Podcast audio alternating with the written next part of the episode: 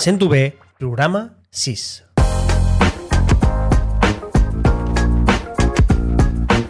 Benvingudes, benvinguts al programa número 6 de. Avui estem amb en Jaume Manyer, que no us explico massa més, us deixo l'entrevista, us recordo que aquestes entrevistes les faig en directe a través de Twitch, uh, és una plataforma que em permet que vosaltres mateixos pugueu fer preguntes, que puguem interactuar i que siguin més dinàmiques. No us vull explicar gaire i veieu aquesta entrevista que ja us dic ara m'ha encantat. Amb tots vosaltres, Jaume Manyer.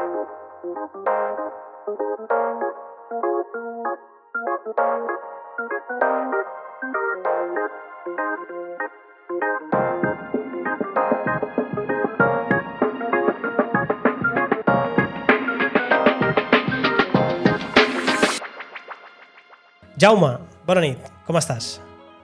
Bona nit. Molt bé.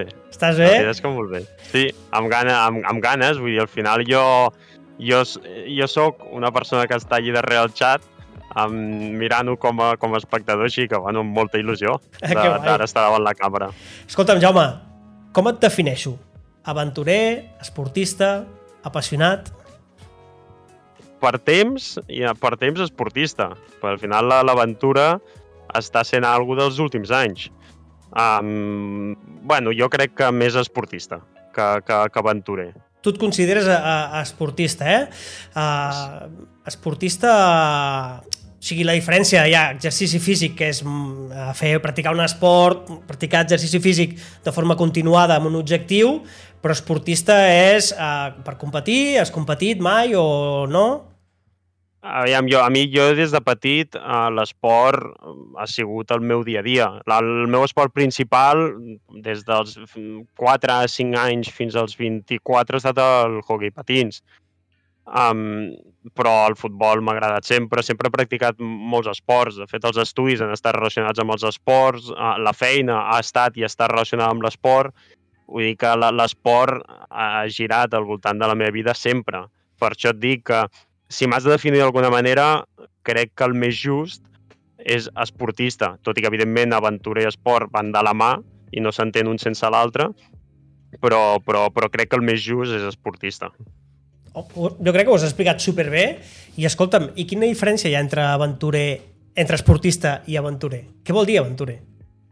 Què és A- a- fer? O sigui, al final, a, al final um, l'aventura implica molt més que, que les capacitats d'un esportista. Al final, jo per saber jugar a futbol o per jugar a tennis, per posar dos exemples, doncs, doncs necessito estar bé físicament i bé tècnicament. Um, i, I sí, tenir uns coneixements mínims de tècnica per poder jugar a tennis, per exemple.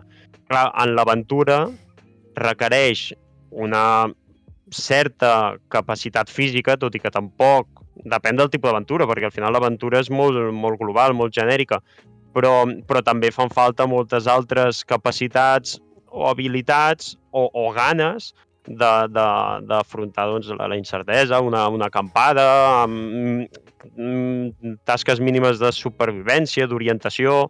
Dir, al Ah. final és un algo molt global i que també depèn del tipus d'aventura. Hi ha infinitat, de fet, qualsevol persona pot fer qualsevol tipus d'aventura, simplement doncs, és ajustar-la al que hi vulgui o ella vulgui. Ara anirem desgranant això de què vol dir aventura, però deixa'm saludar a Malqueando, benvinguda. Uh, em sembla que ens coneixem. Uh, benvinguda. No, no, en, com que aquests uh, programes es faig servir pel podcast, no tinc alertes sonores, però sí que, sí que les veig. Potser trigo una mica més, perquè no volia interrompre, interrompre el Jaume, però benvinguda, benvinguda al canal. Malqueando, em fa il·lusió que estiguis aquí. I, com sempre, uh, pregunteu tot el que vulgueu al Jaume. Uh, ja, ens, ja, ja hem apuntat que és esportista i aventurer. Uh, Cuinar unes bledes pot ser una aventura. Sí, hi ha una conya aquí amb les bledes. Qui em conegui del meu alter ego Rizzo Maloni, que sempre surt en algun moment o altre, doncs sí que és una aventura. I hi ha aventures que són molt bones. I menjar unes natilles també, bé, sí, sí. Ja aviat ressuscitarem el Rizzo Maloni perquè fa dies que, que en té ganes de, de parlar. Però escolta'm, a veure, Jaume, o sigui, perquè la gent es faci una idea, quines aventures has fet? Has fet, que jo sàpiga, la Transpirenaica, no? Transpirenaica, sí? és una d'elles. I, però escolta'm, què vol dir fer la Transpirenaica? Perquè potser molta gent eh, no ho sap com jo i m'agradaria que... Què vol dir de forma senzilla i clara? Aviam, una, la Transpirinaica és una travessa, és, un, és una ruta de, en aquest cas de llarga distància, però bueno, que es pot ajustar, poden fer etapes, però fer-la sencera implica depèn de si ho comences de l'est a l'oest o de l'oest a l'est, és creuar el Pirineu.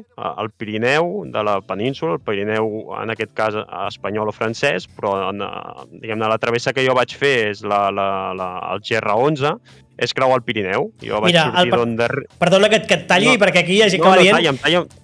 Tranquil. El Xevi diu, vol dir suar molt. Uh, vas suar molt? O sigui, tu la vas fer caminant, en bici, corrent? Com la vas no, fer? Jo, jo la vaig fer caminant. Caminant uh, des de Cabo de Iger, que és la primera etapa que està on d'arribi, al País Basc, fins al Cap de Creus, Catalunya. Quants dies? Quants quilòmetres? 36 dies, 36 dies vaig tardar 36 amb un total dies. de 840-900 quilòmetres. És com, és com un, és una mica, no arriba a ser el Camino Santiago, però 36 dies... Uh, ostres, uh, Transpidi, Nike, uh, en un, que, que estan fent bromes aquí la gent. Escolteu-me, uh, no sé, però gent que esteu al xat, quins dubtes us sorgeixen de, de, de superar aquest repte d'estar, quants? 36 dies has dit? 36 dies seguits, en el meu cas vaig decidir no parar cap dia, i, ah, i, i no només això, sinó que hi ha molts altres hàndicaps afegits. La motxilla, al final portava una motxilla de 18 quilos, amb la tenda de campanya, el menjar, vull dir tot, ho portava tot a sobre. Autosuficient, no? I tot... autosuficient, i, i doncs cada dia anar, anar avançant, avançant, fins completar aquests 36 dies seguits. Que, que en el meu cas jo vaig decidir no parar perquè tenia molta por que al tenir el cos acostumat a una exigència, al parar un dia el cos tingués una forma rara de reaccionar al, al seguir. I em vaig basar en l'experiència d'un company que em vaig trobar durant el camí, que es deia Arnau, que és de Barcelona, que va voler parar a Benasque, a, perquè bueno, tenia, coneixia una gent allà a Benasque, i al parar tot un dia i trencar la rutina de cop va implicar haver d'abandonar els següents dies perquè es va trobar molt malament, vòmits, Ostres. i això em va generar doncs, una alerta i vaig preferir Um, Mantenir un ritme i... Molt... Sí, hi va haver un dia que sí que vaig fer una etapa més curta, que va ser l'arribada a Puigcerdà, perquè també volia aprofitar que és la ciutat més gran que et trobes durant la travessa, i llavors vaig, vaig decidir fer aquesta etapa més curta, però que seguia mantenint la rutina. Mira, per aquí diuen uh, la gràcia de Twitch és que, la, que, que és interactiu i la gent fa preguntes i una cosa que, que possiblement si estiguéssim a la televisió te la preguntaria al final, la preguntem al principi. El Nunthor diu, què se sent quan arribes al final? Doncs, a diferència del que segurament tothom s'imagina, inclús jo m'imaginava, no va ser el millor moment o el moment de més èxtasi, perquè això és algo que vaig experimentar. Al final era la meva... Ara després, contestant a una primera pregunta que m'has fet, um, he completat tres, tres aventures abans de i que n'hi va una altra, que també vull parlar d'aquesta, que ara després en, en, en parlarem en quan trobem un moment. Uh, aleshores, no, vaig arribar, evidentment, molt emocionat i feliç per haver-ho completat, però, però al final uh, no, no és una arribada de dir de cop i volta estic allà, sinó que ja hi ha dies Va. previs en els que ja tinc el temps de mentalitzar-me que estic arribant. Que ja veus que, Aleshores... que està sent el teu repte, que és la, o sigui, queden 50 ah, quilòmetres i dius, jo arribo. Clar, per exemple, um, jo vaig plorar quan vaig veure el mar Mediterrani per primera vegada arribant a llançar que arribava a llançar i des de lluny, des de bueno, una muntanya, a, a, però que està propet a llançar, doncs vaig veure realment el mar Mediterrani i ahir vaig plorar. En canvi, l'arribada al Cap de Creus no vaig plorar, no, um, però era una persona molt feliç, però no, jo em pensava que l'arribada, perquè jo m'ho havia pensat moltes vegades, que l'arribada al Cap de Creus, bueno, seria plorar, cridar, bueno, bogeria absoluta. I no, perquè ja tenia un... ja, ja m'havia mentalitzat que estava arribant. No, no, no és allò de dir estic a la meitat del Pirineu passant-ho malament i de cop i volta arribo al cap de Creus, sinó que ja vaig tenir uns dies per mentalitzar-me i això, vulguis o no, doncs, doncs tu fa que ho paeixis diferent. Però bueno, igualment és un moment únic. I per què vas plorar quan vas veure el mar, Jaume? Bueno, perquè al final um, ni t'esperes que en aquell moment vegis el mar i no has tingut aquesta mentalització, preparació prèvia, perquè pateixes molt, perquè ho passes molt malament, perquè és un sacrifici, un esforç brutal i és tot un repte personal. I quan veus el mar Mediterrani, que, que de fet ara de, de parlar-ho i tot això, doncs um, recordo aquells moments doncs, doncs clar, bueno, ho veus de cop, no t'ho esperes i és que hi ha molts moments, vull dir, cada dia jo ho passava malament, però el global del dia, la majoria d'ells acabaven sent bons. I és una mica aquesta l'aventura en, en general, amb la bicicleta, que ara, bueno, ara en parlarem, he fet una mica de spoiler, però bueno, ja, ja, ja has penjat les publicacions, vull dir que ja saben calco de la bicicleta ja, doncs és el mateix, vull dir, en un dia, en un dia d'aventura, vull dir, hi ha molts moments dolents, però sempre, la majoria d'ells, al global, acaben sent bons. I, i, i, I això és una de les coses bones que té, que té llançar-te a l'aventura. L'Ed Cavallet diu, i, i, i menjaves els refus? Menjaves els refugis o menjaves sempre tu feies tu? No, um, al final, un cop vaig entrar els últim, les últimes dues setmanes, sobretot quan vaig entrar a Catalunya, sí que vaig tirar força de refugis de muntanya i vaig uh, menjar, perquè una de les coses que crec que me n'arrepenteixo més de no haver-me emportat és la, la cuineta, el fogonet, el poder-me cuinar jo el menjar. Perquè per un tema de pes i tot, jo bueno, m'ho vaig planificar al meu cap d'una manera que no era del tot real. Jo em pensava que em trobaria més bars, restaurants, que m'encaixaria al migdia, que podria menjar calent, algun entrepà calent, i no era així. I llavors vaig haver de tirar al començament, les dues primeres setmanes, vaig haver de tirar molt de menjar en llauna del supermercat, Ja. i vulguis o no ho notes, no, eh, no, no té punt de comparació amb dies exigents poder menjar calent. I les últimes dues setmanes sí que vaig tirar una miqueta més de, de De- refugis de muntanya, Per aquí la, la Malqueando diu, ostres, que fort, quina passada. Malqueando, doncs aprofita i fes les preguntes que vulguis, que jo les llegiré totes. El Jaume també respondrà el que pugui. I eh, per aquí també hi ha la Cristina Dena. Bones, Cristina! Quina il·lusió que estiguis per aquí, ja sé qui ets. Uh, el mateix et dic, uh, la gràcia de Twitch és que pugueu fer preguntes i que el Jaume respongui. Qualsevol mm, cosa que us sorgeixi la, la llegiré. Uh, el Xevi per aquí diu, l'altre dia precisament me'n vaig estar mirant el documental de l'Alt Tour d'en la Clan Morton aquestes bogeries em flipen, ho he llegit fatal, segurament. Uh, el Xavi és un ciclista, li, li agrada tot aquest món. Per aquí també saludo a la Magnina. Hola, Magnina, com estàs? Uh, hi ha colletes, estan- s'estan saludant entre ells. Uh, Jaume, uh, val, o sigui, jo, a- a- aquest, quan preparava l'entrevista, dic, jo, quan viatjo, que no he viatjat molt, però una, algo sí, sempre la, la gràcia del viatge, no? per exemple, vaig estar a Japó, no? i dius, ostres, aniré a aquesta ciutat, aniré a aquesta altra, una mica et planifiques el viatge, però, però tu, quan prepares un d'allò, no, no et pots planificar res, perquè és de l'aventura, no? O, o hi ha més preparació dels que ens podem imaginar? Depèn molt del tipus d'aventura. En el cas de la Transpirinaica sí que hi havia una bona planificació darrere, perquè al final és una travessa que existeix, que està, està marcada durant el camí, més menys, però que està marcada. I, I en aquest cas sí que me la vaig planificar, vaig comprar uns mapes de, de tota la travessa i em vaig marcar unes etapes que he de dir que el quart dia ja no les vaig complir i que, i que pràcticament uh, no, no vaig seguir aquella planificació, però que em va servir per mentalitzar-me, preparar-me, posar-me a l'aventura. Vull dir, no, ja no és només el que et servirà durant el camí, sinó que em va servir per empapar-me una mica del, del que em trobaria, del, per les zones on passaria. Però, I però et una cosa, que- perdona, eh? Però No, no digues.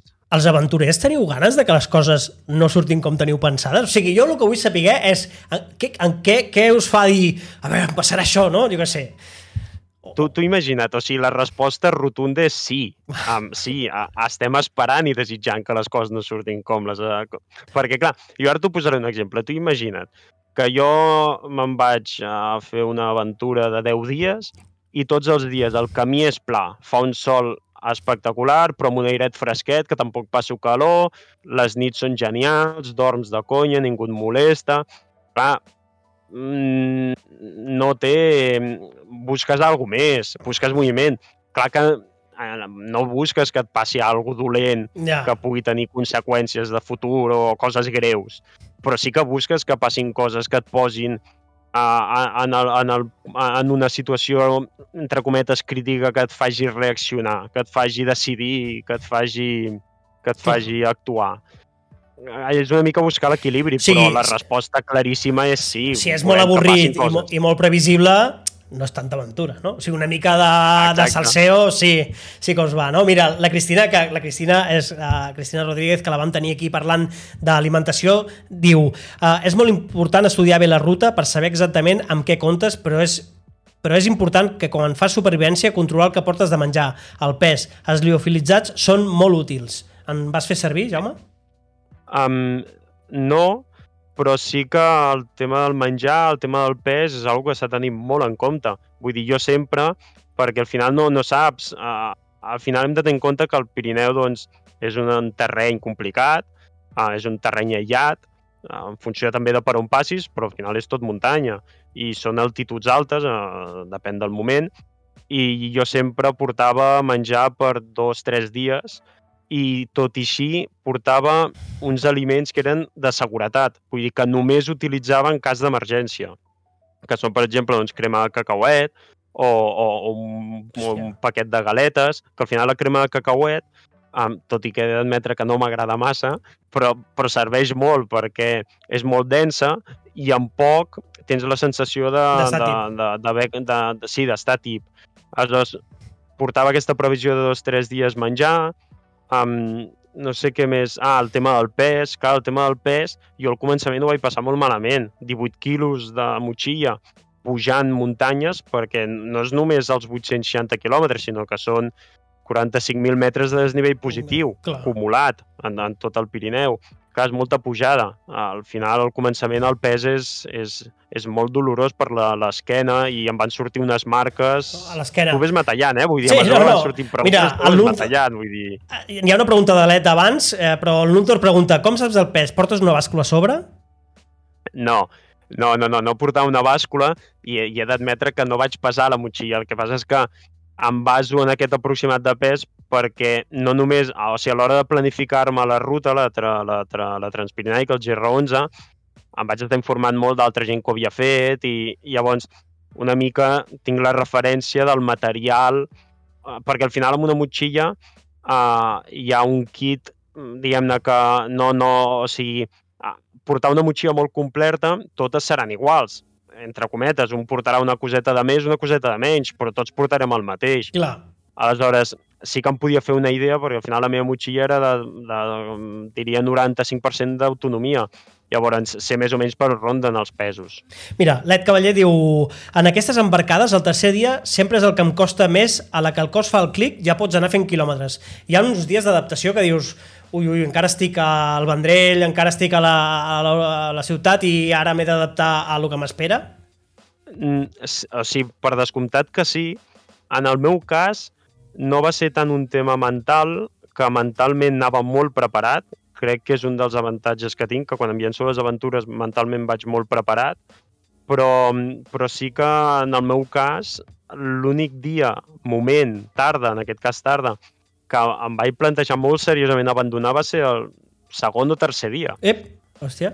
per, per unes ampolles, per unes ferides al peu molt doloroses que em feien caminar molt coix i que m'ho van fer passar molt malament. Recordo que ho vaig passar molt malament.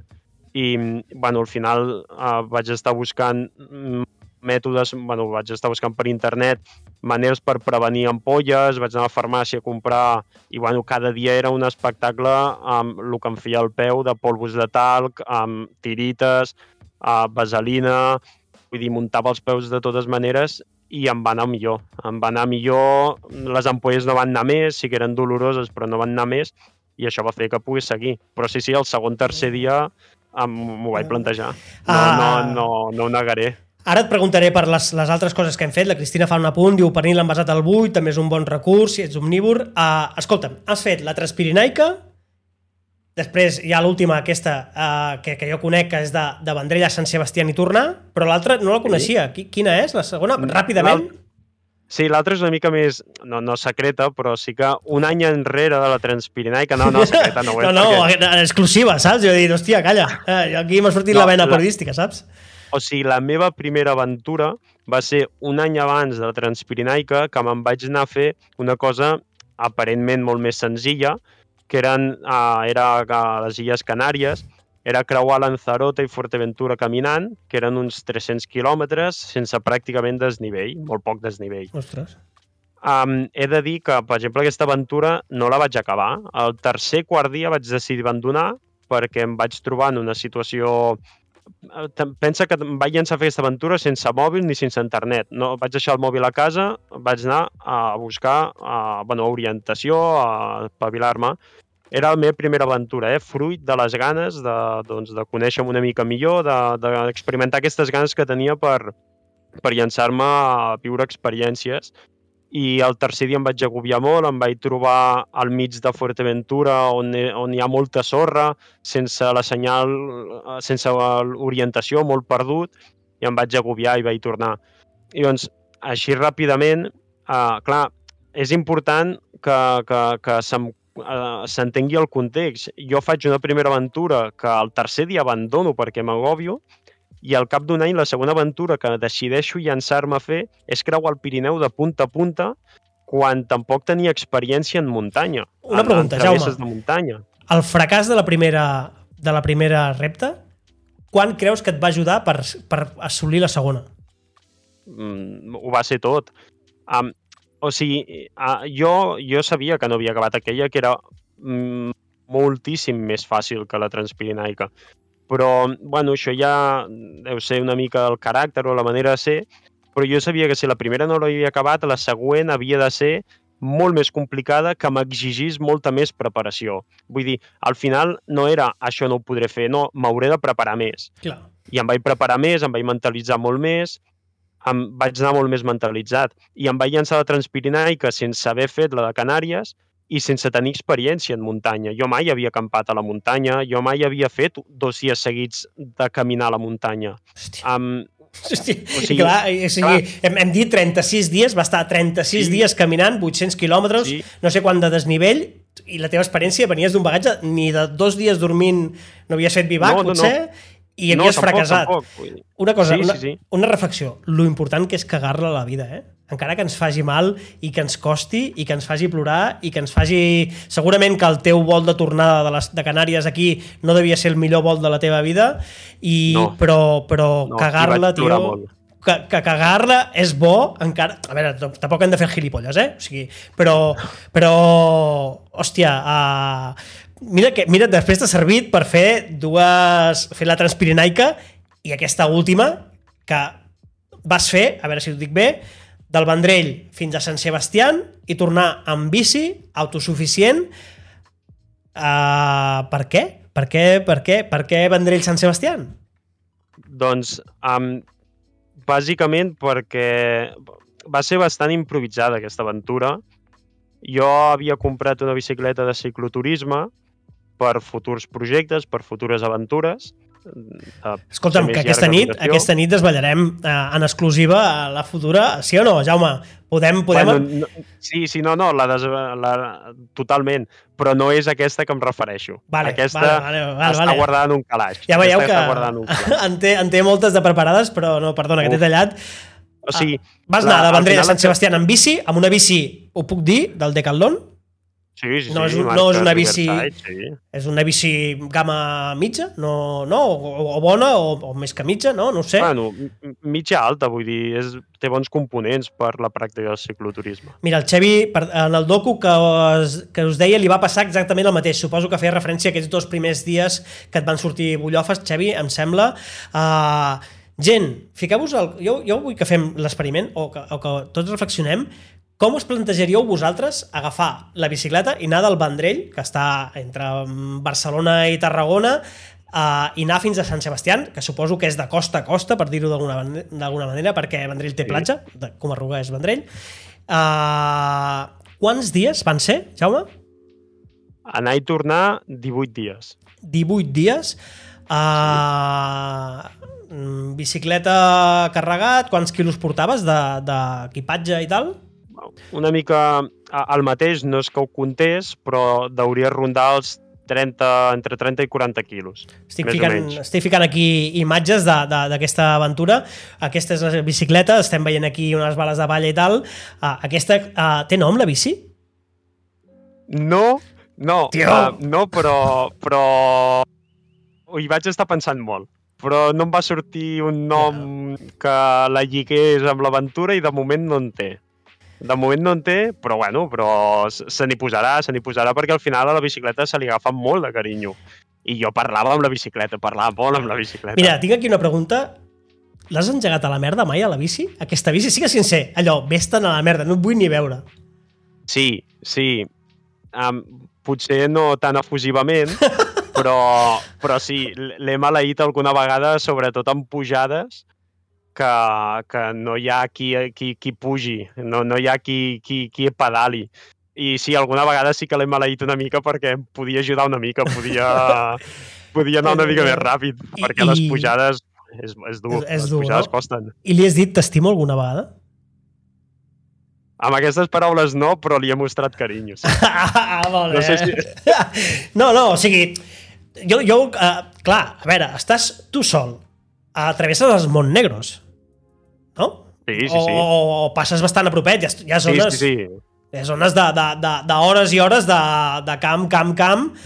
Hòstia, eh, clar, és que eh, al final deus necessitar enfadar-te i riure amb algú, no? I no tens ningú. I Bueno, jo, jo- cada dia pel matí a la bicicleta li deia bon dia. molt bé, Sí. eh? Bon dia i li preguntava si havia dormit bé. Però sobretot bon dia. Si havia dormit bé no li preguntava sempre, però bon dia sí. Dia bé. sí que li deia. Clar, I, i bona nit. clar. I, I sí, no, al final, al final pensa... I també s'ha de dir que en, en quant a aventura de cicloturisme, el format que he fet jo és curt. Quan, quan parlem de cicloturisme, eh? perquè aventures de cicloturisme acostumen a durar dia, bastants dies Bastants més. dies. Mira, el Xevi diu, Sí. jo m'acabo de fer un remor per la bici, no em donguis idees, el Xevi. Va, Xevi, anima't, anima't. Uh, L'Ed Cavaller diu, jo abans de morir vull agafar una gravel i sortir d'Alaska i anar fins la Patagònia. Ho faré, Ah. tardi el que tardi. Gran, Ed, Ed, ja et dic ara que si fas això m'agradaria entrevistar-te de veritat, ja quedem així, si et sembla bé.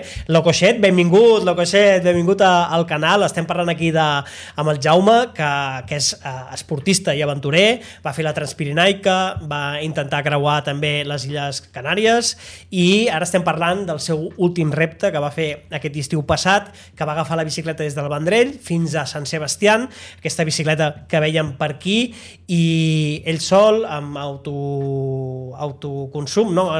Auto, Autosuficiència. autosuficiència, perdó, i, bueno, bé, surts del Vendrell, tires, tens una mena, suposo que fa servir brújula o que fa servir, Jaume? No, uh, no, no, no, no, tirava del mòbil. Vale. De, o sigui, jo prèviament, en aquest cas sí que no l'havia planificat massa, però també és la gràcia d'aquesta aventura. Una, que cada aventura té les seves característiques i es tracta de moldar-te a elles. Clar, Si jo la Transpirinaica no l'hagués planificat, m'hagués hagués marxat una mica del tipus d'aventura. En aquest cas sí que la gràcia era la improvisació, el no saber on dormiré i el anar avançant. Aleshores sí, vaig agafar la bicicleta i, va, i vaig sortir de, del Vendrell un dissabte i bueno, poquet a poquet vaig anar avançant, més ràpid del que em pensava. La veritat és que m'hi vaig adaptar molt bé, en aquest cas sí que m'hi vaig adaptar molt bé en, en, en l'aventura en bicicleta. I bueno, poquet a poquet anava avançant i quan marxava una mica el sol o la llum, doncs ja buscava un lloc per plantar la tenda i sobretot deixava fluir molt, deixava fluir a veure què passava i a veure com la gent em rebia i m'ajudava i això va ser una experiència que em va sorprendre però va ser una experiència preciosa. La gent em va ajudar moltíssim. Ara en Hi ha parlem? coses que encara... Ara en parlem, Jaume, perquè l'Untor diu l'educació per davant de tot, suposo que feia referència a que li deies bon dia a la bicicleta, uh, a l'Ed Cavaller des de la Patagònia la fem. Home, Ed, uh, a bombo i platillo, tu, tu quan vulguis, quan ho facis, uh, mira, fem una entrevista abans i, la fa, i durant. Què et sembla, Ed? I... A- Aquesta, perdona, Lluís, aquesta és una gran aventura. Una gran aventura que tot aventurer té, té apuntada. Això és com els que corren maratons, que diuen un cop a la vida has de fer la de Nova York, suposo per la gent així que aneu en bici, d'Alaska fins a la Patagònia, tot el continent americà, deu ser que, deus estar tres mesos o, o quatre o... I un any. i un any. Clar, de, de, sí, de, sí, sí, sí. Pensa que és, és molt de recorregut. Clar, depèn també de com, de com ho facis. Eh? Crec que el rècord està potser en un mes, però una persona que Ah. anava, Killing Jornet, no? Un Ah. Killing Jornet de la vida, no? ana- anava a fer rècord. Clar. Clar, la gràcia d'aquest tipus d'aventura és prendre't amb calma i disfrutar de la gent que et trobes, disfrutar de, del camí. Mira, el, el Xevi ens diu el meu pare ha fet la marató de Nova York, ostres, veus, que guai. El Nunzor diu, Ed Cavaller, la pots fer amb el Jaume i la retransmeteu per Twitch? Ojo, cuidado. I gent Jo que us, jo apunto. la gent que, que us ajudi donant donacions i tal, eh, i més, sis mesos mínim, perfecte. Jaume, sí. val, o sigui, jo ja em faig la idea, tu dissabte t'aixeques, eh, tens la bici a punt, suposo que els dies previs preparant la bici ha nervis, no? Va, de ganes de voler sortir, primera hora eh, adrenalina, no? De uah, ja ha arrencat, i llavors el primer reptes, o sigui, les teves preocupacions de, a- aquí que era on dormir, no? Entenc, perquè menjar més o menys era bastant fàcil trobar menjar, però era... Sí. Jo que, que tot això, la gràcia de Jaume, que estic per aquí ficant el seu Instagram, mireu, uh, hi ha el seu Instagram... Teniu el seu Instagram, uh, el podeu seguir si, si voleu. Uh, lo guai és que, que anava, anava, anava publicant stories cada dia i anava explicant uh, per allà on estava i tot el que li passava i era molt guai. Jo em vaig enganxar perquè estaves, estàvem com pendent bueno, tu vas fent la teva i de tant en tant sorties tu per allà, bueno, ara estic aquí i no sé què, vaig a dormir aquí fora del poble, he trobat un lloc segur per dormir, i dius, hòstia, clar, un lloc segur, no? O sigui, la, la teva màxima preocupació era el dormir, potser? Um, entre, entre elles, sí. Aquesta era una d'elles i al final, i, i permetem que generalitzi una mica la resposta, um, al final és aquesta la, la gràcia, l'aventura, és el que busques. El, el que busques a l'aventura, um, entre moltes altres coses, però la me, diria que una de les més importants és trencar una mica amb l'entorn, trencar amb el confort i tornar-te a preocupar pels bàsics. Els bàsics que tant ens hem deixat de preocupar perquè ja els tenim segu- assegurats, que és tenir aigua, dutxar-te, menjar, comprar menjar i cuinar-lo, dormir... Tot això ja, ja en el nostre dia a dia ja ho tenim assegurat. En canvi, quan marxes a l'aventura, deixes de pensar en què faré demà. Penses en ara no tinc menjar, ara no tinc aigua, m'he de dutxar, he de buscar un lloc on dormir, i, i, i, i, i ni que sigui en un petit format durant 18 dies o 36, tornar una altra vegada a aquestes preocupacions és com que et torna a l'essència. I llavors, quan et trobes en l'essència, és quan descobreixes moltes coses. Tant d'un mateix Com ara què? com, com, com, no, com de la- com de l'aventura, com, com, com reacciones tu, com improvises i com et trobes en situacions d'inestabilitat. I és, aqu i és, aqu és això el que enganxa. Que, tot i que ho passes malament, perquè al final t'has d'adaptar a situacions que no, que no, que, que no controles, a, al final acabes, acabes dominant o acabes, no dominant, però acabes solucionant. I ho has solucionat tu.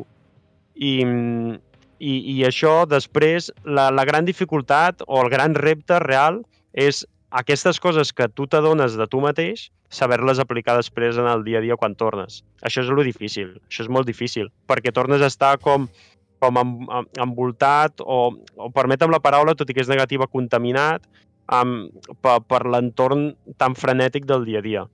I Mm. això és lo difícil. Sembla molt heavy el que acabes de dir, Jaume. O sigui, sembla heavy perquè... No heavy. És una reflexió molt guai, perquè de fet, quan, un, quan fem vacances, no? almenys jo en aquest moment no tinc cap vergonya, quan vull vaig de vacances no vull incomoditats. Al contrari, són les vacances. Vull ostres, eh, potser durant l'any no estic en un hotel de 5 estrelles, o de 4 o de 3, i les vacances dius, hòstia, són les vacances, no? Per què no un hotel de 4 estrelles o, o, o, o no haver-me de preocupar, o tindre un, més o menys un viatge, no? Tu dius, dormiré aquí, dormiré allà, no, jo no vull estar patint per dormir i tal. I tu, just, vas a buscar el contrari. És, tu has dit, uh, ho has dit, trencar, anar a parar a lo bàsic, i llavors eh, descobreixes a tu mateix, no? Hòstia, uh, em sembla que és algo una mica més que va més enllà de l'esport i de l'exercici, que és uh, enfrontar-te als teus dimonis o perquè jo em- em sembla recordar que hi va haver un dia que tu vas patar amb aquesta última tal, jo recordo que cada dia publicaves i tal, explicaves molt xerraire i tal, i va haver un dia que es va ficar una foto de, cap al capvespre, que només es veia la bici repenjada un arbre, avui eh, no estic eh, tal. És que... Sí, sí, sí, sí. Um, va ser quan ja tornava, sortint del Pirineu de Navarra, que me'n recordo que aquella, perquè jo ja era, era aquella etapa, uh, un cop ja surts del Pirineu de Navarra i decideixes baixar directe cap a Aragó, doncs tenia un tros de baixada i aquell tros va ser molt dur, mentalment. Allí eh, és un dels dies que vaig punxar mentalment perquè estava veient que tendia a anar mm, un pèl massa ràpid en lloc d'anar més a poc a poc, disfrutar, perquè al final, al final, bueno, i és una de les coses que he d'anar treballant, jo tendeixo molt a voler arribar al lloc, arribar al, al lloc. Jaume, tu i tots. A, a, tu, tu, tu, sí, i, sí. tu i vale. tothom. O sigui, jo, jo m'estava sí. reconeixent amb el que estaves dient, dic, ostres, és veritat, no, no? A vegades fem les coses, però ja la volem ja tenir feta, saps? I... Clar, a més, en el meu cas, que hi havia el factor de buscar un lloc per acampar i que potser no em volia trobar a les fosques sense tenir lloc on acampar, doncs potser ah. encara tenia aquest hàndicap de voler arribar. I em vaig agobiar molt perquè vaig veure que avançava molt ràpid i que no, que volia parar a aquest poble que trobava, parar pues, a mirar el paisatge, a parlar amb la gent, i que si això m'implicava arribar més tard, pues, ja ho solucionarem, no passa res. I em vaig agobiar molt. Llavors vaig tenir la sort o no, o no és sort, però, però al final l'aventura et va posant, et va donant cartes, et va donant cartes i tu les has de, de saber jugar. I vaig arribar a un poble que crec que es diu Artiers, a Aragó, molt, ah, ja, sí, Aragó, molt a prop de Navarra, un poblet molt petit, molt preciós, que justament m'hi vaig trobar un càmping municipal, amb totes, amb totes les... o sigui, amb wifi, amb lavabo, amb dutxes, ah, i una gespa preciosa, molt tranquil, amb, on no s'havia de, de, de, de pagar o si més no era la voluntat. Vull dir que, que jo això no ho havia trobat en cap moment durant el camí. I just al moment que ho necessitava, pam, em trobo un càmping municipal quan no tenia ni previst eh, arribar a Arties. Me'n recordo que vaig parar un poble, vaig començar a mirar el mapa i vaig dir, doncs, doncs mira, tiraré fins aquí i ja veurem què m'hi trobo. I vaig poder parar un dia sencer i això em va anar molt bé.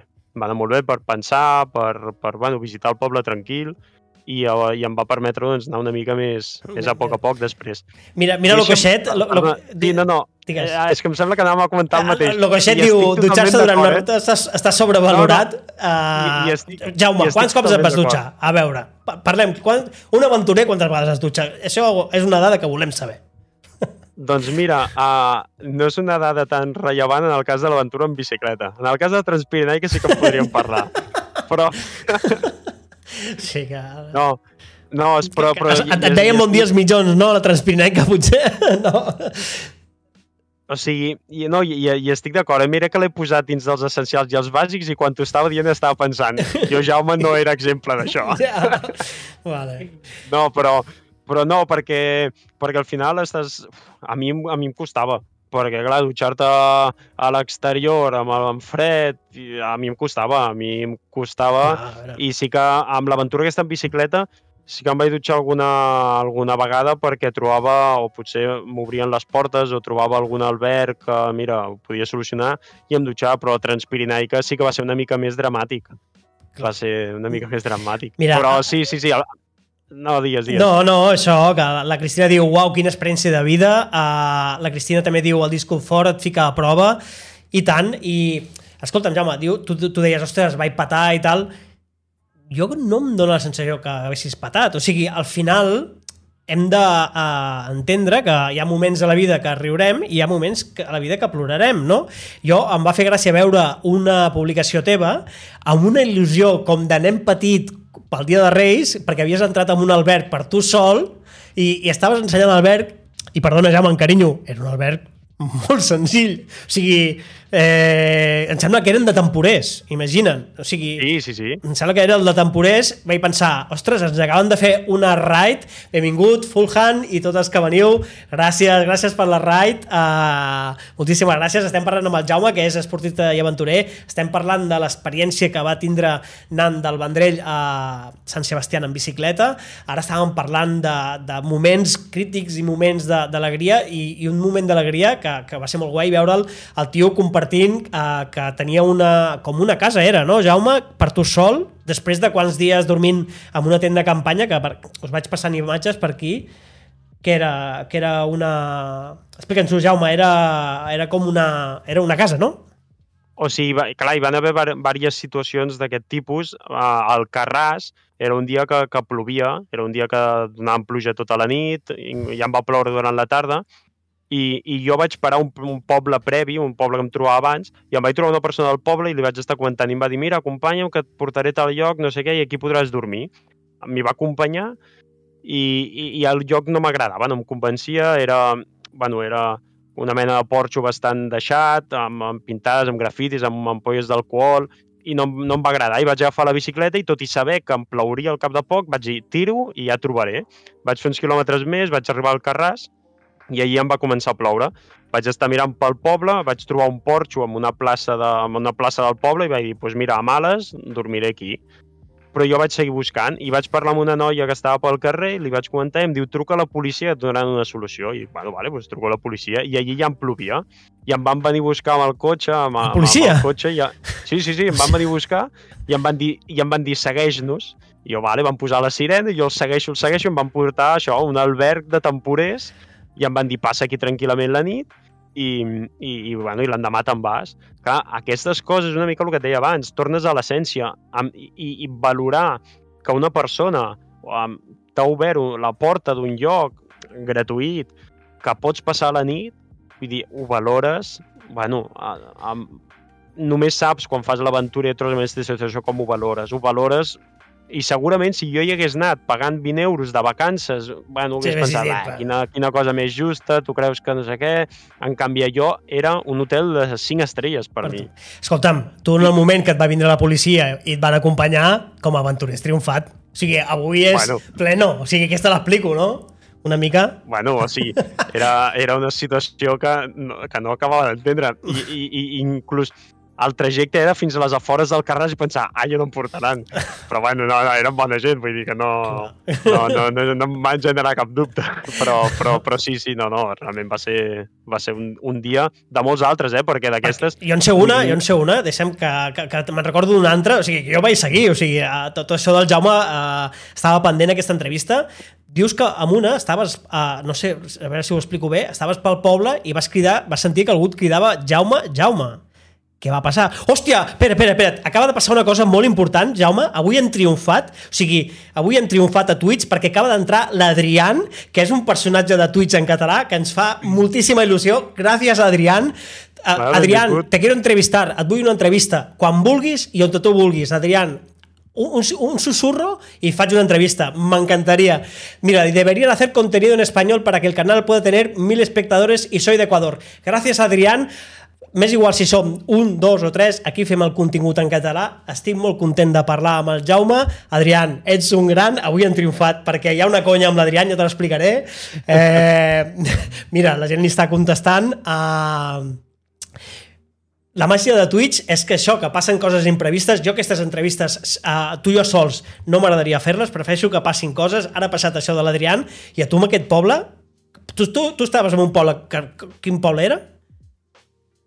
Un poble petit, no? Sí, ah, o sigui, era un poble que potser tenia 100 habitants màxim. Sé Aragó. que, sé que eren, Aragó, no? Aragó, sí. Era un poble molt petit que hi vaig acabar sense saber que acabaria allà i sé que el, el segon, la segona paraula era gallego.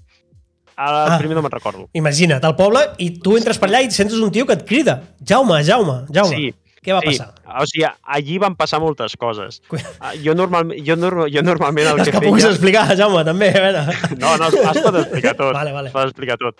O sigui, jo, jo sempre el que feia era quan era, si podia arribar a un poble petit, sempre i quan fos petit, petit, jo arribava al poble i començava a parlar amb la gent i els hi comentava una mica el que estava fent i si em podien recomanar algun lloc on poder acampar, on poder plantar la tenda.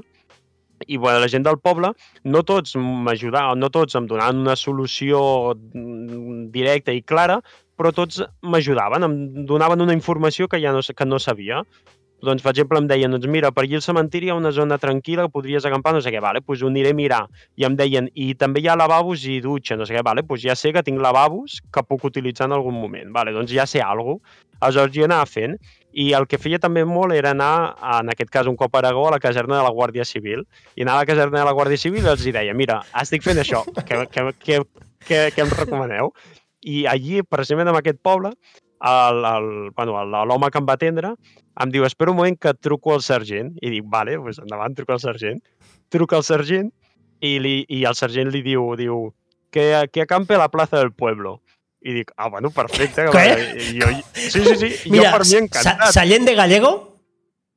No, és que Sallent de Gallego és un poble del Pirineu i, ah, no, no, no, era, també hi havia Murillo de Gallego i una mica més avall era un altre de Gallego, que no me'n recordo com... Gràcies, so de pop No per recordo. El Led Caballer diu, és brutal com canvien les prioritats segons en quins moments, i tant, estem a, la, estem a, la, a un quartelillo de la Guàrdia Civil, parlant amb un guàrdia civil que diu, llama al sargento, Jaume, que bé, que a continuació...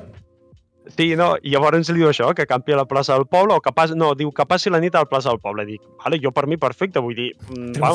Perfecte, s- perquè a més em diu, hi ha, hi ha un porxo, podràs dormir sota el porxo, i jo, per mi fantàstic. I, i a més li pregunto, dic, podré plantar la tenda de campanya? I em diu, i em diu sí, sí, cap problema, planta la tenda de campanya, i a més, i a més vaig escoltar com li deia, com li deia, y yo ya mandaré un mensaje a los grupos de WhatsApp de los que patrullen para que no te pongan ninguna multa ni nada. I jo, bueno, bueno, bueno, això ja és una triomfada del tot. Sí, sí, sí. sí, I llavors, llavors jo amb aquesta informació feliç de la vida perquè ja tenia la nit solucionada, me'n vaig cap a la plaça i allí em trobo una persona i em crida Jaume, Jaume! I jo, però qui em coneixerà en un poble tan petit, al mig d'Aragó, que no tenia ni planificat arribar-hi. I era un noi, un home, que era el propietari de la panaderia del forn de pa del poble, que em va començar a seguir quan la Transpirinaica. Em va Hòstia. començar a seguir, que bueno, no sé com, però que em va començar a seguir. I clar, ell anava veient que m'estava arribant, estava, m'estava apropant al seu poble, cap a la seva zona, Hòstia. i, i em va veure. I vam estar una estona xerrant, vam fer una foto per tenir el record, i, i llavors jo vaig arribar, em vaig posar bueno, a descansar, a treure les coses de la bicicleta, i em ve una furgoneta i em diu, té, que et porto el berenar, una entrapada de pernil salat amb un aquarius. Mare. Clar, us, us podeu imaginar quina és la... Aquell també va ser un moment d'una felicitat extrema, vull dir, que em vingui una persona i em digui, tete, el berenar, menja tranquil·lament, i em diu, i l'endemà vine al forn que estàs convidat a esmorzar. Ara, Clar, sí. O sigui, a mi em passa això i ploro. I aquí, amb, amb el meu personatge Rizzo Maloni, sóc molt de dolços. Uh, el forn uh, el tinc un molt a prop. Uh, benvinguts, família Carico, gràcies per estar aquí. Família Carico, hem triomfat, ha vingut l'Adrián i ens estem passant molt bé aquí amb anècdotes d'en Jaume, que és esportista i aventurer. Hòstia, tio, o sigui, eh, una història amb un poble, eh, quarterillo Guàrdia Civil, eh, el Sargento, grups de WhatsApp, que et conegui un tio que tu no coneixies de res, que et seguia per les No, no, xarxes, Eh, eh, no, no és català, no? Entenc? O parlen... No, no, no, eh, no, no, viu allà, vull dir, És- tenia és la casa sobre la, el forn de pa, vull dir, eh, viu allà. O sigui, el tio feia molts anys. et seguia per les xarxes, sabia que estaves fent això, et va reconèixer... Bueno, tio, tu aquella nit... I aviam, reconèixer-me hauria ser molt fàcil, clar, Bueno, amb les pintes sí, que anava però- amb la bicicleta, vull dir... Hòstia, però, tio, moment influencer important. Uh, vas acabar dormint a la plaça del poble o no?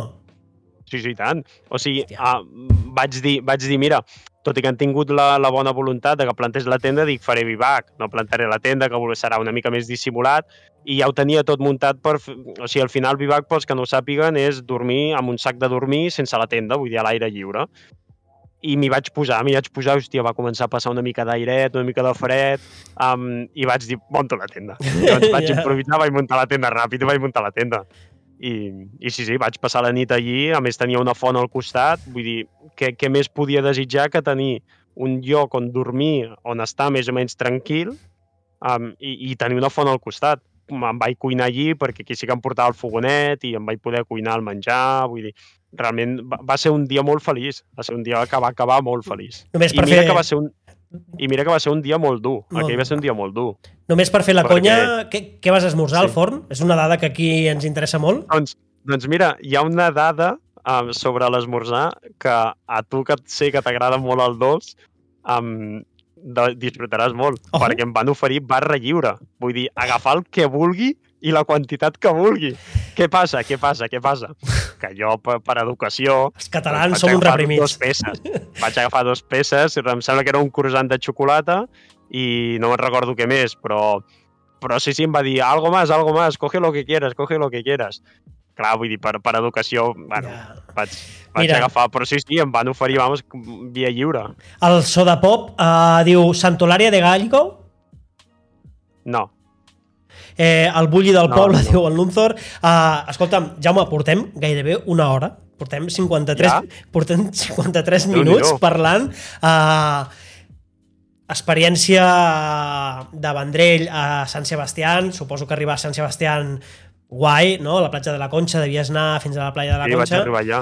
Uh, bon xuletón devia caure, no sé si ets molt carrer. No, Bé, no. mira, Bé. no, no, no.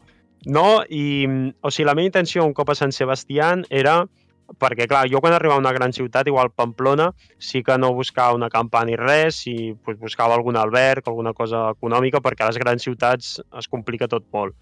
I llavors, un cop vaig arribar a Sant Sebastián, vaig arribar a un alberg, un alberg d'aquests pues, amb moltes lliteres, i, i la meva intenció era passar una nit més, passar un dia més a Sant Sebastián, i ho tenien tot ple, no vaig poder, i llavors, llavors vaig, bueno, van canviar una mica els plans i vaig decidir doncs, l'endemà pel matí marxar. Sí que vaig anar a sopar i vaig permetre'm, doncs, bueno, ja que no em vaig quedar un dia més Sant Sebastià, em vaig dir, doncs, avui faré un bon soparet, no m'ho cuinaré jo ni menjaré d'entrepà, i va ser una mica més complet, però no tant com per arribar a un altre cop.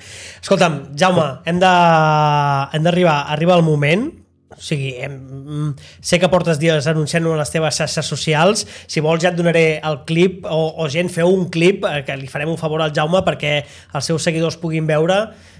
Uh, tenim la sort de que ens, ens explicarà quin és el teu nou repte. Jaume, en què t'has liat? En, o què tens al cap, Jaume? Què et ve de gust fer? És, és una aventura grossa, molt exigent, és un gran repte. A diferència de les anteriors dues aventures, aquesta requereix una inscripció, és un esdeveniment molt exclusiu, són només 90 inscripcions a nivell mundial, vull dir, 90 Hòstia. inscripcions, i en anteriors edicions el 80% són, els participants són de fora d'Espanya, perquè l'esdeveniment es fa aquí a Espanya, vull dir que és... I, I és una ruta del que se'n diu non-stop, que tu comences, surts d'un lloc, en bicicleta en aquest cas, tu surts d'un lloc i et donen X dies per realitzar un recorregut que no està fixat, simplement l'organització et marca un checkpoints per on has de passar, però tu pots passar pels camins i les carreteres que vulguis fins a tornar al mateix punt. Aleshores, el tema és que et donen 14 dies, tu tens 14 dies des de que surts, en aquest cas surts de Bilbao, i, i la dificultat està amb la distància. És, eh, o sigui, amb 14 dies tens, has de fer un recorregut de 3.400 quilòmetres. O sigui, o sigui, tu surts des de Bilbao fins a on? O, o, o tota la Mira. península o... Bueno, pràcticament no, tota la península no, però perquè te'n facis una idea, els checkpoints són sortint de Bilbao fins a Santiago de Compostela, baixar per Portugal fins prop de per, per allí la zona d'Extremadura, passes pel sud de Madrid, no arribes fins a Madrid, fins a Tortosa, puges fins a Ordesa, on has de fer el, el Tourmalet, que és un, bueno, és un, se li diu exactament Tourmalet, que és, ho fa, passa el Tour de França per allí, que és bueno, Pirineu i muntanya molt exagerada, i tornar fins a Bilbao. I són 3.400 quilòmetres i tu has de portar tot tu. Vull dir, a- en, en el meu cas no aniré carregat, tan carregat perquè és, és inviable, s'ha de portar motxilles de bikepacking, que són motxilles més lleugeres, on sí que portes, mínim, ets minimalista total, i, i has de portar doncs, per dormir, per menjar, tot el que tu vulguis, i durant la ruta tu pots fer el que vulguis, però no pots rebre ajuda que hagis planificat anteriorment. Jaume, dir, tu Jaume. comences... Continuem, però Sí, sí. perquè et facis la idea, la, el Xevi diu, hòstia santa, el so de pop diu, déu nhi duret, la família Caricú diu, mare de Déu senyor, uh, Xevi es diu, el Turmalet, pregunta, que, que, que has dit alguna del Turmalet? Sí, o sigui, el Tourmalet, si es posa, per exemple, es busca per Google Maps, sortirà, és, eh, és com se li diu a, a un pas a un, a un pas del Pirineu, que ja et dic, el Tour de França hi passa per allà i... i Però el Turmalet eh, és un sé pic, no? exactament- no? De, del Tour de França, no? A part? Exacte, sí, sí, sí, vull dir, és creuar el Pirineu pel Tourmalet, que és Ah. el nom que té aquell pas, de, de pujar i baixar per la carretera per creuar el Pirineu. O sigui, i, I- com es diu i- aquesta cursa? Com es diu? O sigui, Es diu Tra Transibèrica Ultracycling. o sigui, només el nom ja... Uh, Sí. O sigui, el teu repte, Jaume, és a fer la Transibèrica Ultracycling. Aquest que, a 2022? més, a més, a més, digue'm, El 2022? 2022 comença el 13 d'agost, per tenir en compte també la calor, que també serà un factor. Bé. 13 d'agost es surt de Bilbao a les 9 de la nit. Vale? Perquè, clar, aquí també hi haurà molta preparació i ja m'hi estic posant amb el tema físic. Penseu, per fer-vos una idea, sobretot els que facin ciclisme, amb... El Xevi eh, és molt de bicis. referència. I diu, mira, Vale, doncs una... diu, el conec perfectament, per flipar. Uh, jo ni el nom, la família Garicú diu, jo ni el nom puc dir, jo tampoc, família Garicú. O sigui, Jaume, 14 dies, 3.000 quilòmetres, desnivell 3.400. No, no me'n treguis 400, que els patiré molt, aquests últims, eh? 3.400, uh, o sigui, són uh, creuar gairebé la península, et van donant punts, tu has d'arribar a aquell punt, és igual per on te passis, si t'equivoques i fas 30.000 voltes allà tu, i tens 14 dies. 14 dies i, i, i només puc utilitzar el que porto a sobre. No està penalitzat qualsevol tipus d'avituallament, qualsevol... No, tu no pots parar a dinar en un bar, o sigui... No, no, sí, sí. Durant tot el camí pots fer, uh, pots, pots parar a sopar, a dinar a un restaurant, pots fer el que vulguis, vull dir, t'organitzes com vulguis. El que no pots tenir, per exemple, és gent esperant-te que t'ajudi amb coses, Va. que ho hagis planificat tu. Vull dir, tu durant el camí, inclús si tens alguna avaria o et fas mal, tu, eh, evidentment, pots i has d'anar a l'hospital o pots, o pots anar o agafar un cotxe, agafar un tren, però després has de tornar al mateix punt per seguir. Mare de Déu. Vale. Vale, Clar. uh, mira, Jaume, en, ens hem fet un clip, ja el tinc guardat, moltíssimes gràcies, Nunzor, uh, ens hem fet un clip uh, amb el teu repte, donem la benvinguda a Mononoke, Mononoke, moltes gràcies, estem ja ga- gairebé acabant, estem coneixent el proper repte, Mononoke, de- d'en Jaume, que és fer, ja no me'n recordo el nom, no sé què, trans... eh, Ibèrica Ultracycling. Que no- clar, pe- penseu, penseu que són de mitjana 260 quilòmetres cada dia. Hòstia, Cada dia, Jaume, Jaume, cada dia, cada dia per, per arribar al, al 14è dia. Vull dir, per experiència que jo he vist d'altres les anteriors edicions, que ja m'he estat informant, hi han hagut etapes de gent que ha fet 400 quilòmetres en un dia. Perquè, clar, no tots els dies pots fer 260 quilòmetres. Quan jo faci el Tourmalet, doncs allí potser només en podré fer 100 perquè ja ho he estat mirant i hi ha una pendent del 10%. I això és una animalada. I doncs allí potser només en faré 100 i altres dies potser n'hauré de fer 400. A- Altra gent n'ha fet 400 en anteriors edicions. Jaume, Jaume, la majoria de les persones que estem aquí, la majoria, fem 260 quilòmetres en cotxe i sortim del cotxe encarcarats. O sigui, saps? Eh? Allò que surts, vaig a fer quatre passes i dius, oh, quin tute de, quin de volant, saps? O sigui, tu hauràs de fer una mitjana de 260 quilòmetres per dia, però és una bestiesa, Jaume. Per arribar al 14è dia, eh? que evidentment és el meu objectiu, arribar al cap de 14 dies a les 8.59 de la nit a Bilbao. No, no pretenc fer-ho menys, perquè sóc conscient de que és un repte no només físic, sinó mental, sinó de supervivència, perquè Ah. són 14 dies al límit en tots els sentits. Quan ho fas, això, Jaume? Quin mes eh, ho tens planificat? Quan, quan és la cursa aquesta? 13 d'agost comença. 13 jo un parell o tres de dies abans ja vaig cap a Bilbao. Comparteixo pel xat el compte d'Instagram del Jaume. Uh, Jaume, sí o sí, això ho... ha- Bueno, si et queden forces, el que puguis, una foto o alguna cosa, estarem pendents d'aquest superrepte. Em sembla una bestiesa. Em sembla Ho una... és, ho és. Les coses com siguin, ho és. Jo en sóc conscient que és una bestiesa i jo ara mateix, a dia d'avui, no estic preparat tampoc per fer això.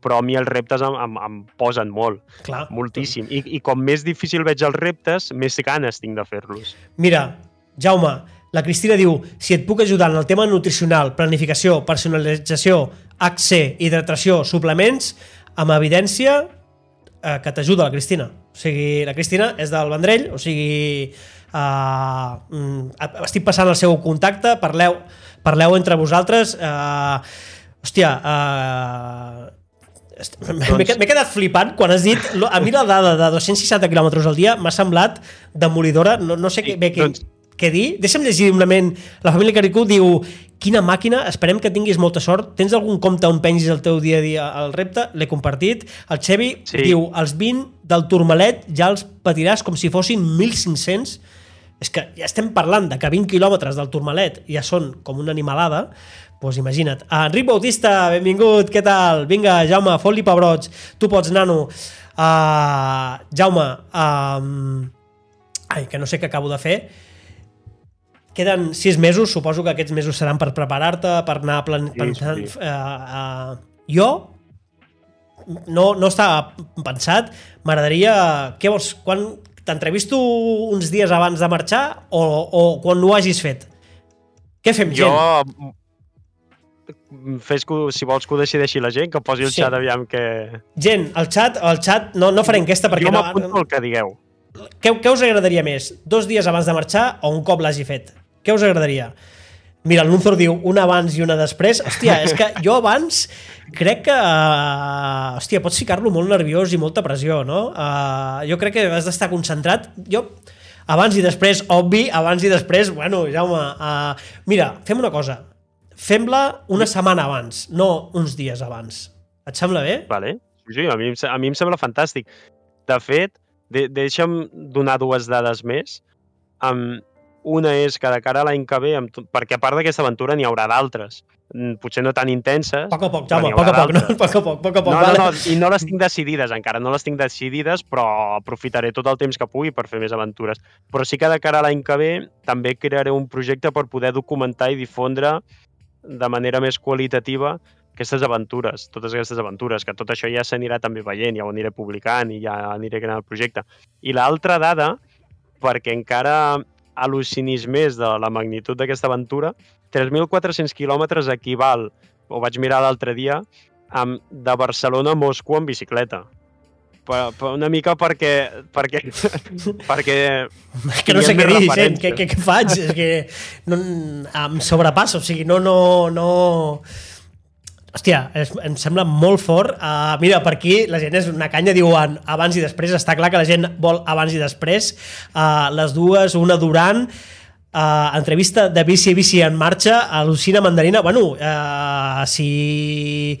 O sigui, em sembla molt heavy. Jaume, jo crec que ens agradaria a tots, n'estic convençut, des d'allà que el teu compte d'Instagram es convertís en un diari de viatge, que es anessis explicant com t'entrenes, com et prepares, perquè veiem tantes xorrades al cap del dia que un repte així és com guai, no? Jo sapiguer com et prepares mentalment i tal, Uh, em sembla molt interessant. Torno a compartir per aquí el teu compte d'Instagram per qui et vulgui seguir.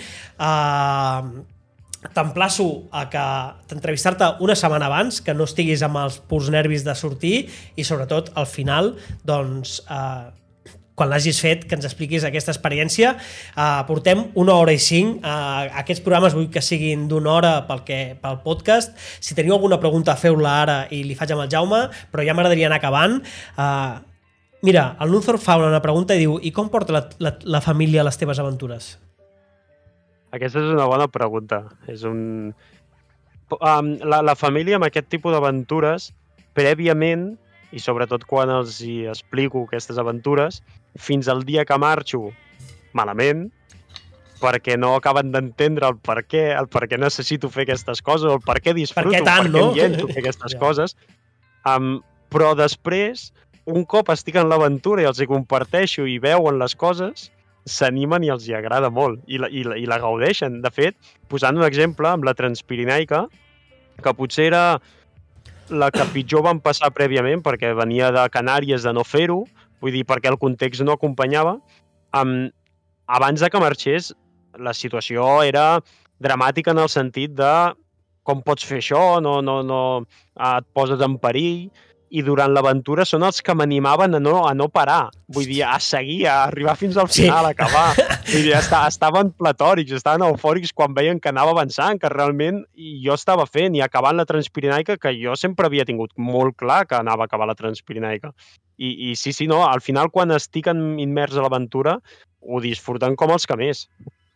Diu, la, la família Caricú, la Marta suposo que deu ser, diu, jo com a mare patiria moltíssim. Uh, el Xevi diu, els podcasts han de ser quan, com més llargs millor. Bueno, uh, sí.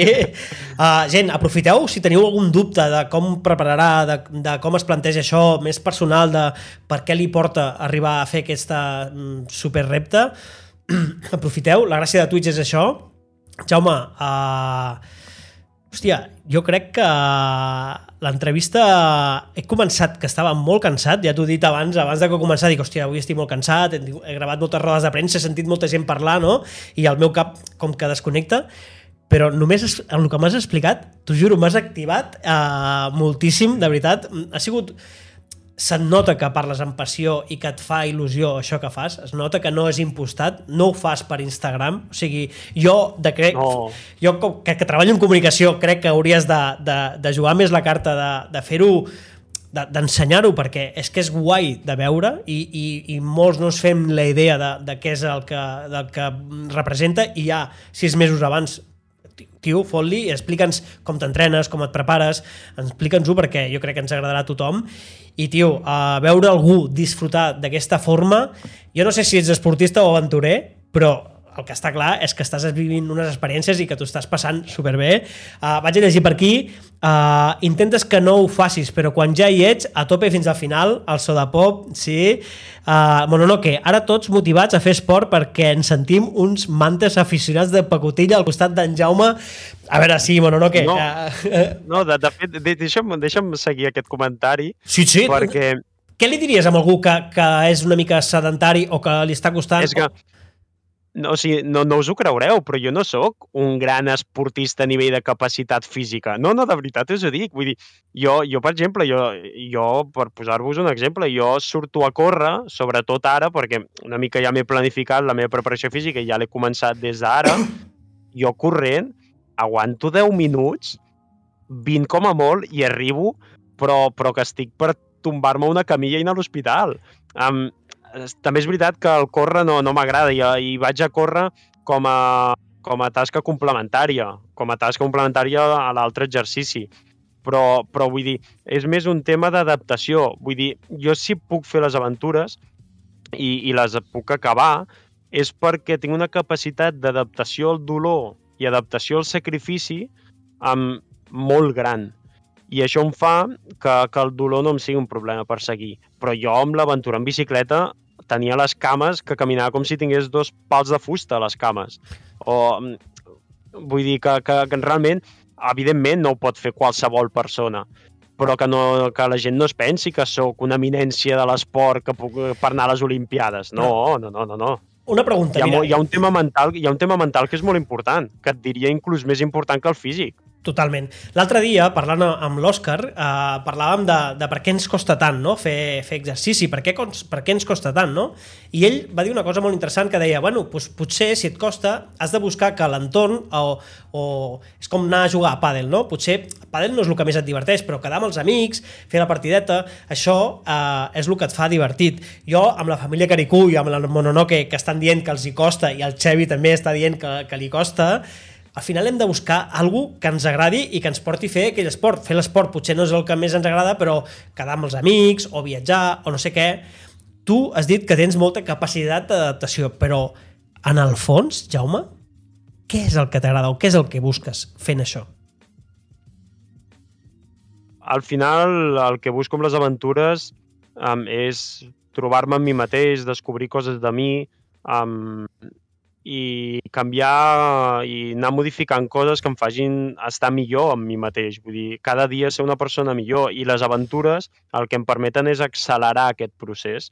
Um, sobretot és un, és un dels objectius, vull dir, que l'aventura m'aporti per mi, per créixer jo com a persona, i és, i és el que busco, més enllà del repte esportiu, que doncs, també és un motivant, que em motiva doncs, superar reptes i superar-me a mi mateix però el, el component interior d'una persona, en aquest cas de mi mateix, doncs és, és un dels motivants. Vull dir, seria una mica a la barreja entre la, la, la, la, la, la motivació, el repte de superar aquell repte que et proposes, aquella dificultat, i la segona, el descobrir coses de tu mateix i, i, i, i que t'aporti. Vull dir, és, és, és una barreja entre les dues. Al Serien final... les dos grans els dos grans objectius. No sé què us sembla a vosaltres, però és que al final poden haver-hi 3.000 quilòmetres o 500 que al final el repte és personal. No? O sigui, eh, Totalment. O sigui... Totalment. De fet, de fet, jo convido a que tothom visqui experiències d'aquest tipus, evidentment adaptades a les capacitats de cadascú, però al final viure l'experiència, estar dos dies tot sol i, i solucionar una nit, no cal que en siguin 20 és una experiència molt enriquidora, que ho passarà molt malament.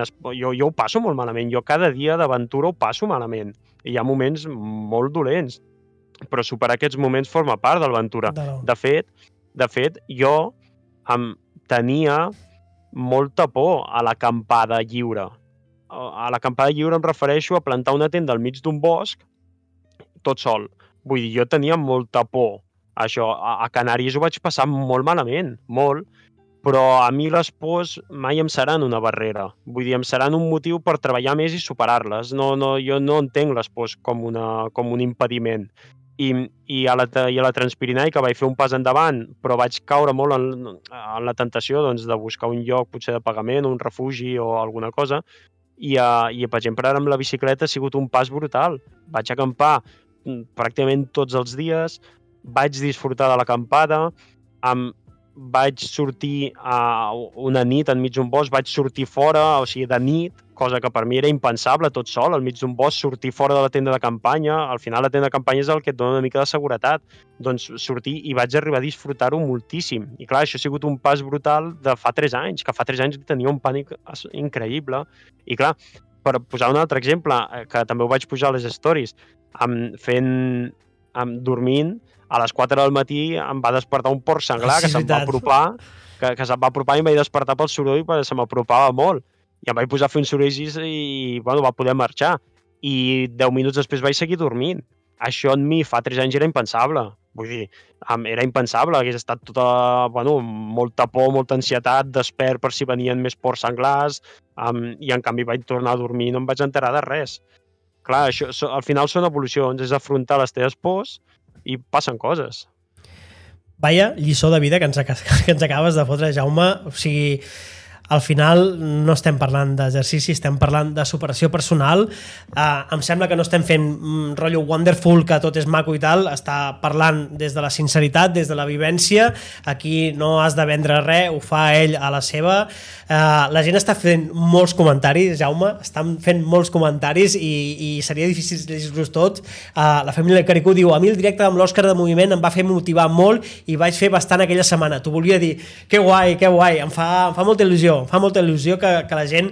Hòstia, estem tenint una sort amb la gent que ve aquí al canal, tio, que ens expliquen unes històries i estic molt content de, que, de poder tenir aquesta... de ser aquest privilegiat d'escoltar-vos i preguntar-vos el que em sembla. I, Jaume, sóc fan dels teus llibres de Harry Potter que tens de fons. Això és Twitch. Uh, tens llibres de Harry Potter per aquí, uh, val? Sí, Aquests sí, moments dolents que després et fan riure, lo coixet i tant. El Xevi diu, el que, els que corrien els primers tours no eren atletes, la majoria fumava i bevia mentre corrien i acabaven. Vaja. Uh, família Caricú, jo amb una quarta part de la seva valentia ja faria. Mira què diuen, eh? Ojo, eh? Jaume, uh, Monono, que ja veus. El, la Cristina diu, et veig fent la Titan Desert al pròxim repte. Sí, està, està apuntada. Està... Um, està apuntada. El que passa és que um, és, ha de ser una experiència molt maca. El que passa és que té, està envoltada de massa de massa, de massa tema mediàtic i això fa que el preu sigui exageradament car des del meu punt de vista. El, el Xevi diu, moment... els que van a la Titan tots són uns pijos, diu el Xevi. Els... Una mica, no? Una uh, mica, sí, sí, sí. Parlant de diners, el Nuntur pregunta, tens sponsors? No, no, no, no tinc sponsors i ara m'estic trobant amb molta gent que m'ho comenta, busca sponsors, i dic, bueno, a poc a poc tampoc tinc pressa, jo tot això ho estic fent perquè per mi, vull dir, no necessito sponsors per fer tot això. Que ara que crearé aquest projecte per documentar i difondre, si vaig veient, veient que va agafant forma, doncs, bueno, potser sí que buscaré, però no, no, no, no és una que em preocupi en absolut perquè, perquè és que ho faig per, bueno, per passió, ho faig per passió, vull dir, realment no, no, no és una que tingui en ment com a prioritat. Gent, anem acabant. Uh que guai. La veritat és que jo crec que ens has animat a molts i, i a molts ens, ens has fet a mi, tio, que una persona s'enfronti als seus dimonis uh, sempre, sempre em causa respecte i veure-ho de la forma que ho fas tu, tan honesta i tan senzilla i tan a la teva manera, que tu hagis trobat la teva forma de, de viure la vida, al fons, em sembla brutal, tio. Uh, felicitat, Jaume, uh, molt guai el que ens has explicat. Jo només et vull fer una última pregunta.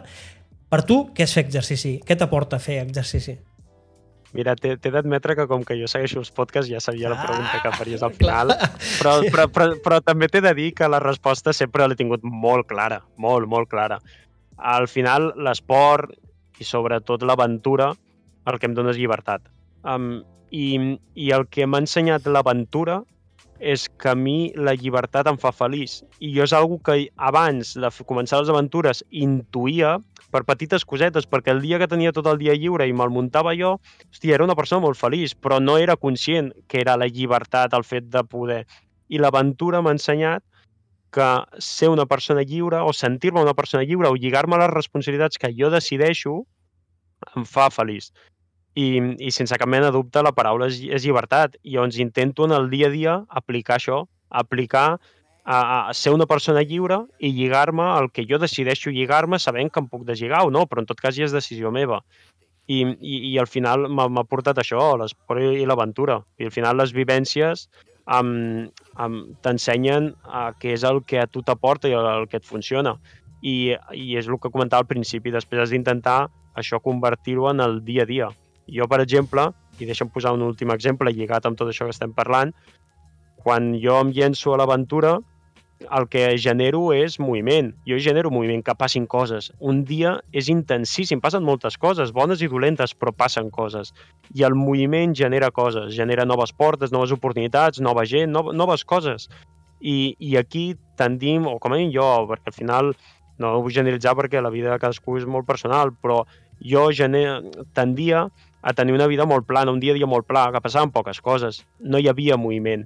Llavors tampoc hi havia coses noves, noves oportunitats, i al final el que has de buscar el que et funciona a l'aventura, aplicar-ho en el dia a dia. En el dia a dia, si generes moviment, passaran coses, i aquestes coses t'aportaran, bones i dolentes, eh? no només són coses bones, també passaran coses dolents, dolentes, però inclús amb les coses dolentes t'aportarà coses.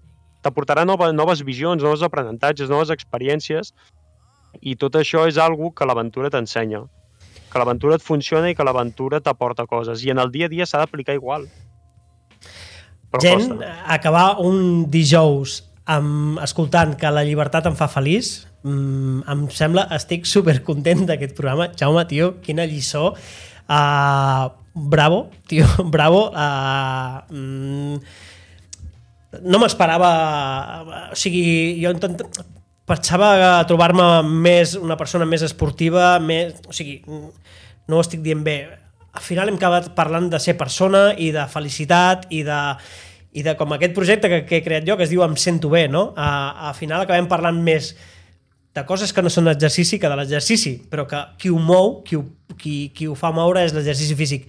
Gent, eh, eh, us encoratjo que feu exercici a que, a que si algú s'ha perdut aquest podcast, eh, Ed Cavaller, brutal, eh, si t'has perdut 10 minuts, el nou repte del, del Jaume, segueix-lo per les seves xarxes, us torno a compartir el seu Instagram, seguiu-lo, que estarà molt guai, eh, el tornarem a parlar, Jaume, en tornarem a parlar, abans, després i durant, el que faci falta.